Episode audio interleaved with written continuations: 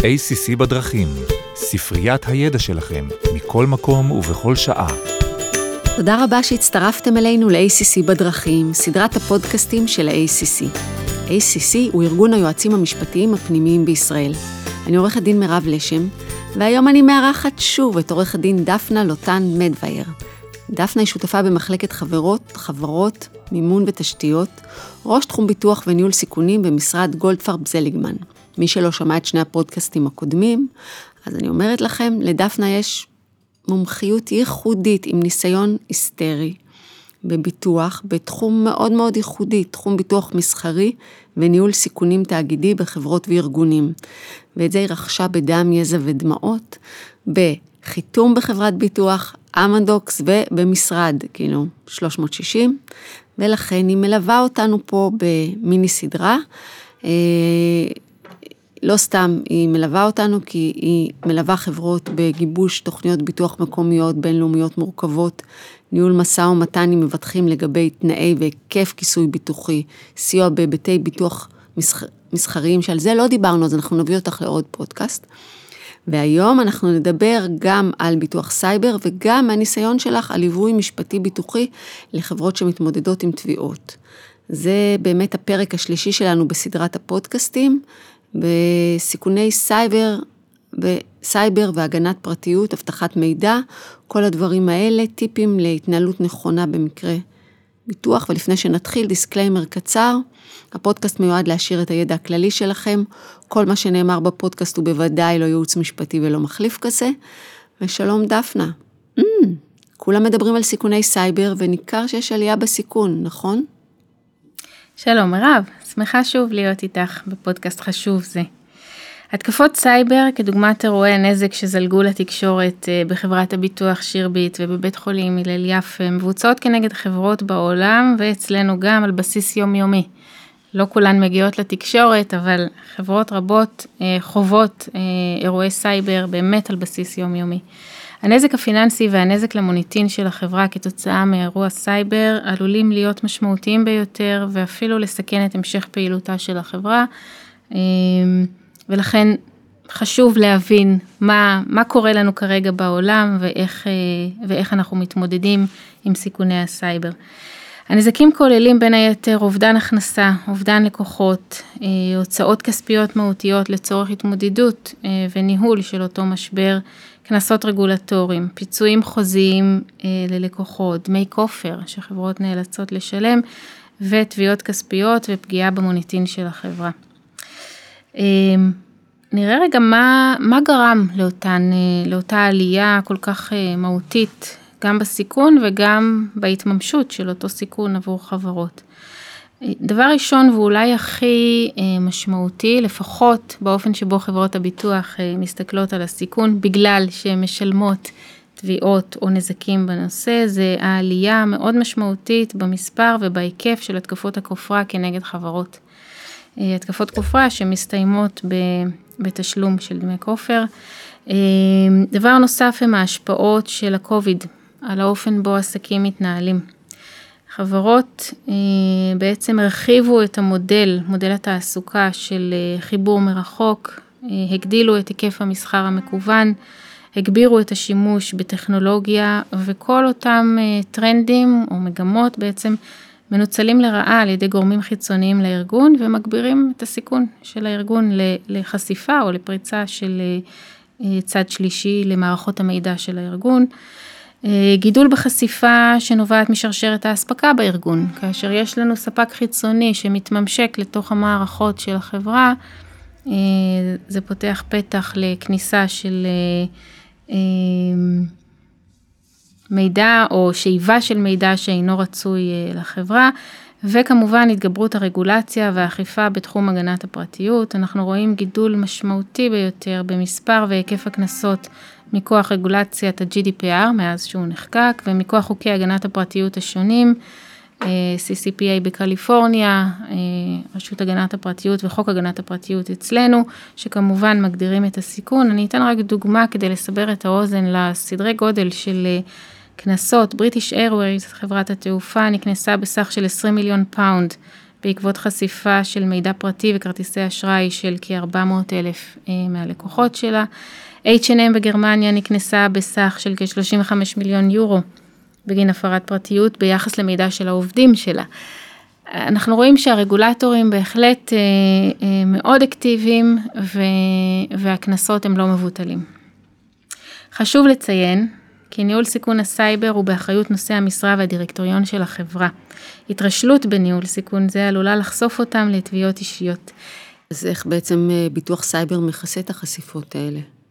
אז ביטוח סייבר הוא בעצם פוליסה שמכסה שני סוגי נזק עיקריים, נובעים כמובן מאירוע סייבר. הראשון זה כיסוי לתביעות בגין נזק פיננסי נגרם לחברה, אה, על ידי החברה לצד שלישי, לקוחות או ספקים או צדדים שלישיים כלשהם, כתוצאה מכשל באבטחת המידע או הגנת הפרטיות. האספקט השני של הביטוח הוא כיסוי לנזק פיננסי לחברה עצמה כתוצאה מאירוע סייבר. הכיסוי בעצם כולל אה, כיסוי לנזק של אה, אובדן הכנסה, אם כתוצאה מאירוע סייבר לקוחות בעצם החליטו לא להמשיך לעבוד עם החברה ונגרם לחברה הפסד. שהיא שותקה פשוט. או שהיא שותקה, נכון, היא לא יכולה לייצר את אותה הכנסה ולכן אה, היא צריכה, רוצה לקבל שיפוי. יש הוצאות לא מבוטלות של ניהול אירוע הסייבר עצמו, צריך להביא חברת פורנזיקה שתאתר איפה הייתה הדליפה, יועצים משפטיים שיעזרו לנהל את כל התביעות העתידיות שהולכות לבוא, אה, משרד יחסי ציבור שעוזר לנהל את המשבר בתקשורת. הלל יפה היה משותק. נכון, נכון, נכון, ולכן הזכרנו אותו. אה, קנסות רגולטוריים, דיברנו קודם.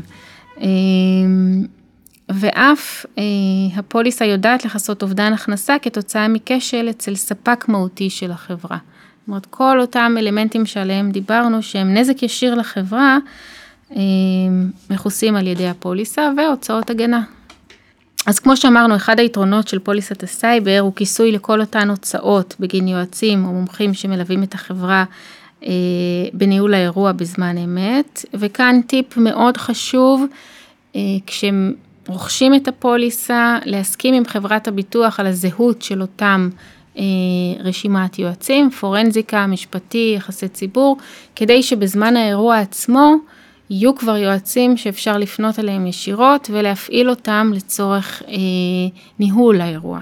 זה מזכיר לי סתם את הביטוח שעושים לדירה, זה או שיש לך אחראי נזילות של החברת ביטוח, או שהם נותנים לך, תבחר את מי שאתה רוצה. אז פה את אומרת, אתה לא יכול, תבחר את מי שאתה רוצה, אבל בוא נסכים מראש מי המומחה נזילות, זה באמת נזילה.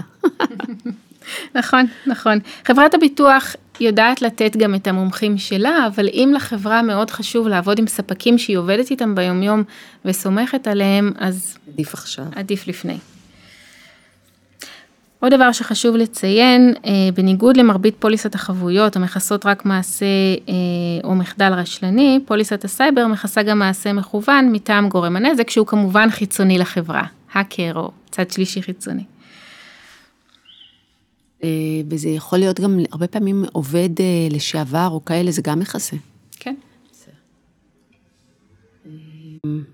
אז טוב, את יודעת, זו כאילו שאלה ברורה, אבל הסיכון הזה הוא כל כך משמעותי, אני מניחה שיש לזה השפעה על עלות והיקף הכיסוי הביטוחי, ואני, דיברנו על אה, הסייקלים ועל אה, אה, ביטוחים של דירקטורים, אני פה לא רואה את זה, אני רק רואה שהתחום נהיה יותר ויותר ויותר. נכון, נכון. אם אנחנו מסתכלים על cycle, אז אני חושבת שאנחנו כרגע בתחילתו של cycle של החמרה ו, וצמצום בתנאי הכיסוי, שאנחנו לא באמת יודעים מתי המגמה תשתנה. ככל שהסיכון יגבר, כך הקושי לרכוש ביטוח סייבר אה, ילך ויגבר. יש פה איזו אה, בעיה בסיסית, אבל כי ככל שאתה קונה ביטוח וכולם יודעים, ההאקרים וכל אלה יודעים שאתה קונה ביטוח, אז הם יודעים שאתה יכול לשלם, אז אין אה, תמריץ... להקטין את זה, כמו בתובנות ייצוגיות, לא שהבתי משפט אמרו, די, מספיק, כי אחרת חברות לא יכולות לקנות את הביטוחים. מה התמריץ פה? אין, אני לא רואה את הסוף, אבל בסדר, בואו נמשיך. זה נכון, זה נכון, ויש באמת אה, קולות אה, גם, בפרט אולי בארצות הברית וגם במדינות אחרות, ש, שמעלים את השאלה האם ביטוח סייבר צריך לכסות את דמי הכופר. באיזשהו אופן יש פה איזשהו תמריץ וזו שאלה מאוד מאוד מעניינת שאני מניחה שבעתיד עוד נראה התפתחויות בכיוון הזה. אז, אז לחזור רגע לשאלה שלך, כן, הסיכון עלה וכן אה, הוא משפיע בצורה מהותית על היקף ועלות הביטוח וזו הסיבה העיקרית להליך החיתום המאוד דקדקני ופרטני שחברות הביטוח אה, עורכות. אה, אנחנו רואים בשנתיים האחרונות מגמה מאוד מובהקת של צמצום בהיקף הכיסוי, עלייה מהותית בפרמיות, עלייה בסכומי ההשתתפות העצמית ודרישה מהמבוטחים לתת גילוי מפורט ומקיף בתופת ההצעה. רכישת הביטוח, אה, ביחס לאופן בו הם מנהלים את סיכון הסייבר, לרבות עמידה בתנאי סף ביחס לרמת אבטחת המידע והגנת הפרטיות בחברה. איזה דרישות באמת אה, יש בשאלונים האלה? אז השאלון הוא באמת אה, שאלון מאוד מאוד מקיף, שפחות או יותר מתייחס לכל היבט באופן בו החברה מנהלת את עסקיה. אבל בנוסף בשנה פלוס האחרונות אנחנו רואים שיש באמת דרישות סף שחברות שבאופן שבו הם השיבו על השאלון לא עומדות באותן דרישות סף, מאוד מאוד מתקשות אה, לקבל ביטוח. זאת אומרת, זה לא שהן מקבלות ביטוח בתנאים פחות טובים, הן פשוט לא מקבלות ביטוח. זה עלה באחד הפורום, לא באחד, בפורום של הסייבר והבטחת הפרטיות שלנו, שחברות שפעם אחת כשלו, אה, נגיד ב-GDPR או משהו כזה, הם אה, לא, יהיה להם קשה מאוד למצוא ביטוח. נכון. נכון.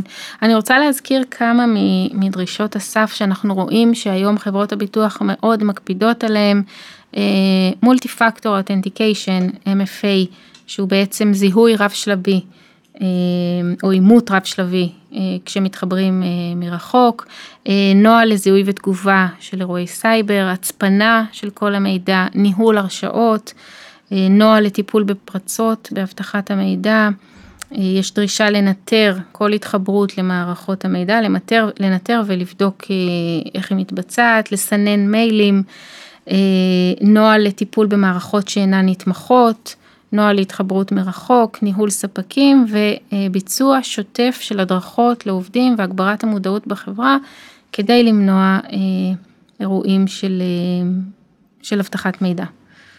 אז אה, מה בעצם את מציעה לחברה לעשות כשהיא הולכת לקנות את ביטוח הסייבר? מה, מה היית ממליצה לה?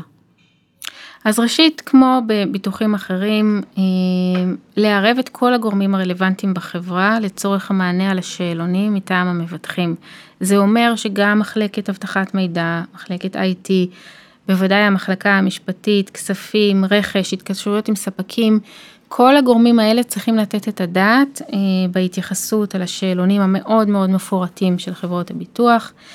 אה, דבר נוסף, מאוד מומלץ לבחון עם מנהלי אבטחת המידע בחברה את האופן בו החברה אה, עומדת מבחינת תנאי הסף שהמבטחים בעצם מבקשים להכיל, וגם אם נמצאים באיזשהו הליך של השלמת השלמת פערים. השלמת פערים, שווה פשוט לציין את זה לחברת הביטוח ולא לומר שאין בכלל, אלא פשוט מה כן יש ואיך אנחנו משלימים את אותו פער.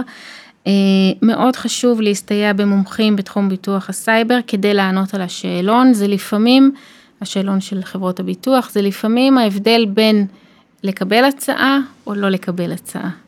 אה, וכמובן שכולנו רוצים לקבל בסוף אה, הצעה לביטוח סייבר. ושוב, אני חייבת להגיד פה, זה לא נעים, אבל את, אי אפשר לעשות את זה לבד. אני גם רואה בפורום שלנו שאנשי האבטחת מידע, גם היועצים המשפטיים של, בתחום הזה, של, הם מקבלים מומחיות כל כך ספציפית, אני רואה את רמת השאלות שם, זה לא מומחי אבטחת מידע, וכל הגורמים האלה צריכים להתגייס, ושוב, לקחת גם את המומחה לביטוחים האלה, שיעזור לחברה לצלוח את זה, כי גם אה, מומחי אבטחת המידע של החברה לא מודע לדרישות הביטוח, והן משתנות, הן מתעדכנות כל הזמן, אז אה, את הדברים האלה צריך לעשות עם המומחה. אה, כן, מה אני אגיד? תודה רבה. אין ספק שסיכון הסייבר הוא אחד הסיכונים המהותיים היום, וצריך לדעת לנהל את זה. בזמן שנותר לנו, אני הייתי רוצה לדבר איתך על התנהלות של חברה בקרות מקרה ביטוח. מה עושים כשיש אירוע נזק? מתי צריך לדווח למבטחת? כי זה תמיד שאלה באירועים האלה, איך צריך לנהוג. אם אתה דיווחת וזה בעצם אירוע שנעלם, יש לך אותו אחר כך שנים לדווח. אז מצד שני, אם לא דיווחת תוך 14 יום או אלה, לא טוב. נחשפת, אז איך היית אומרת שצריך להתנהל? נכון.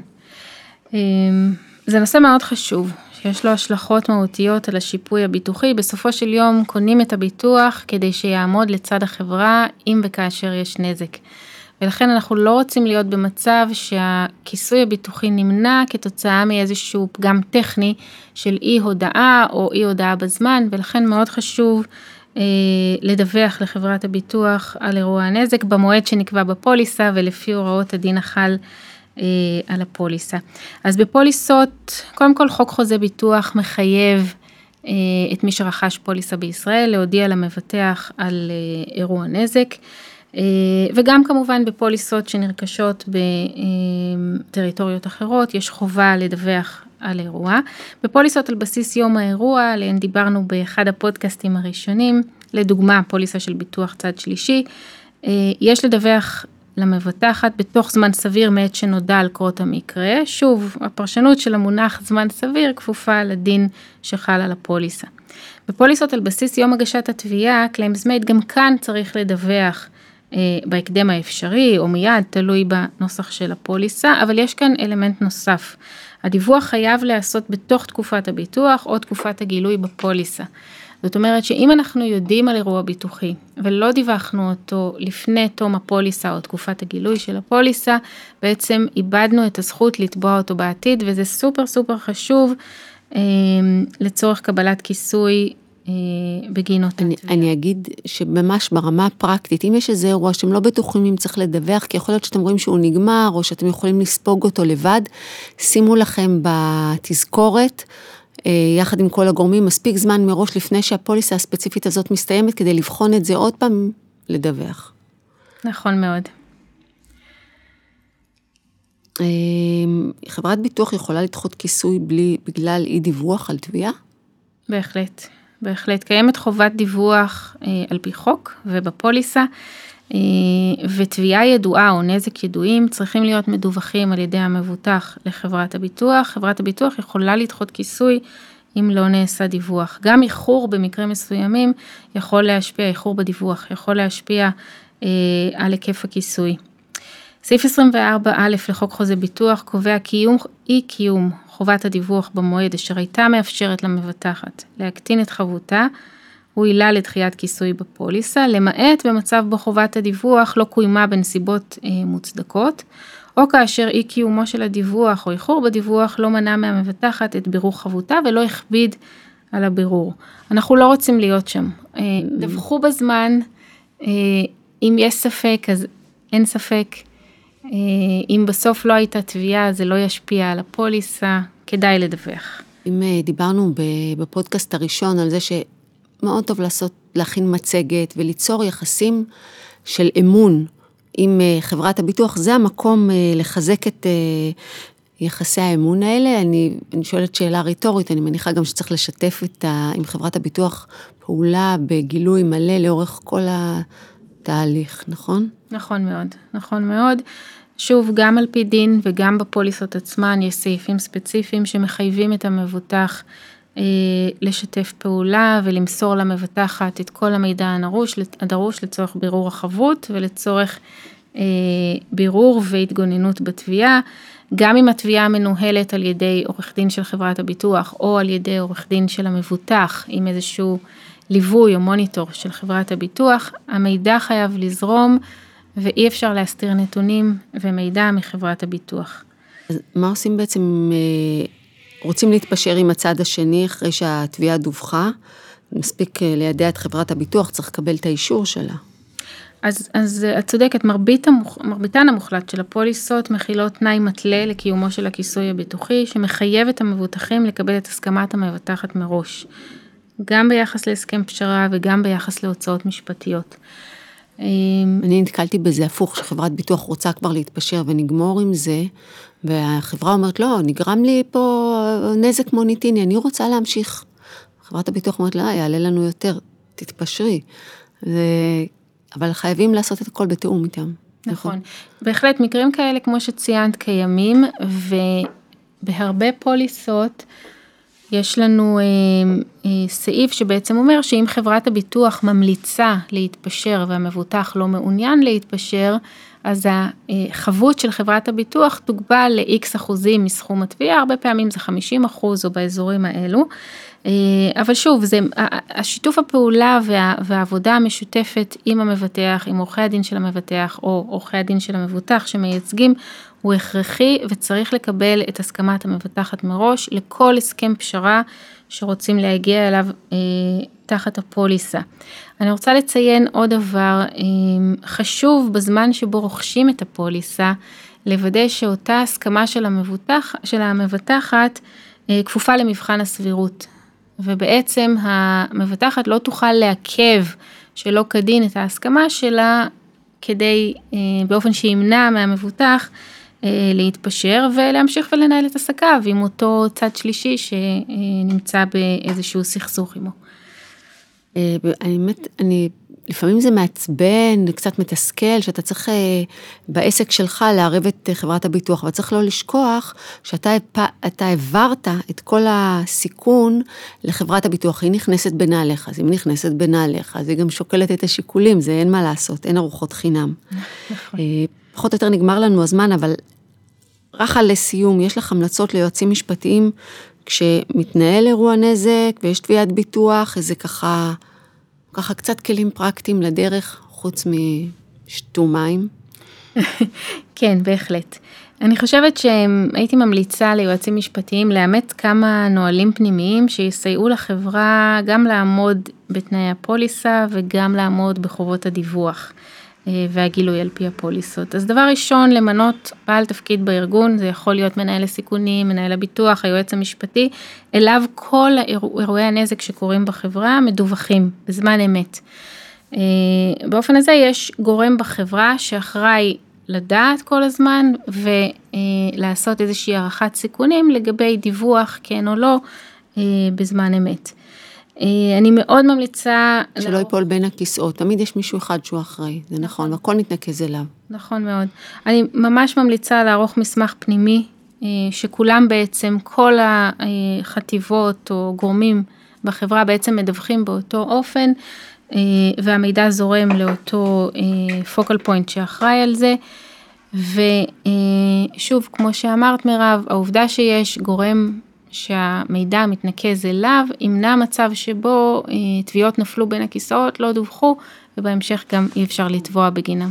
עוד דבר שאני מציעה לעשות, בקרות אה, תביעה או אירוע נזק, או אה, אירוע שיש בו נסיבות שעלולות להביא לתביעה עתידית, כדאי להיוועץ בעורכי דין מומחים בתחום זה, עורכי הדין של החברה, כדי לשמור על זכויותיה של החברה לעתיד, ולהחליט יחדיו אם יש צורך לדווח כן או לא. אה, ובמשא ומתן מול חברת הביטוח לגבי כיסוי לנזק או להוצאות של הסכם פשרה עם צד שלישי, להיוועץ בעורכי דין אה, שבעצם יעזרו לכם לשמור על הזכויות שלכם תחת הפוליסה. מישהו שיחלוק איתכם את הנטל הזה, כי זה נטל אחריות מאוד כבד. אמ, תודה רבה. זה באמת עולם מאוד מאוד מגוון, אני חושבת שבסדרה הקצרה שלנו אנחנו עשינו סדר בביטוחים, זה תחום כזה שהרבה לא מכירים אותו וזה ככה עשה סדר כל הסדרה. אני חושבת שהיא מאוד תעזור גם ליועצים משפטיים וגם לדירקטורים, אני חושבת, בהתנהלות השוטפת, בניהול תוכניות ביטוח של החברה. אה, אני למדתי הרבה, באמת. תודה. תודה רבה מירב, שמחתי מאוד להתארח בסדרה הזו של ה-ACC אה, ואשמח אה, לייעץ לחברות או למי שירצה לדעת יותר לגבי תוכניות הביטוח ובמידת הצורך לנהל תביעות לא עלינו. תודה רבה.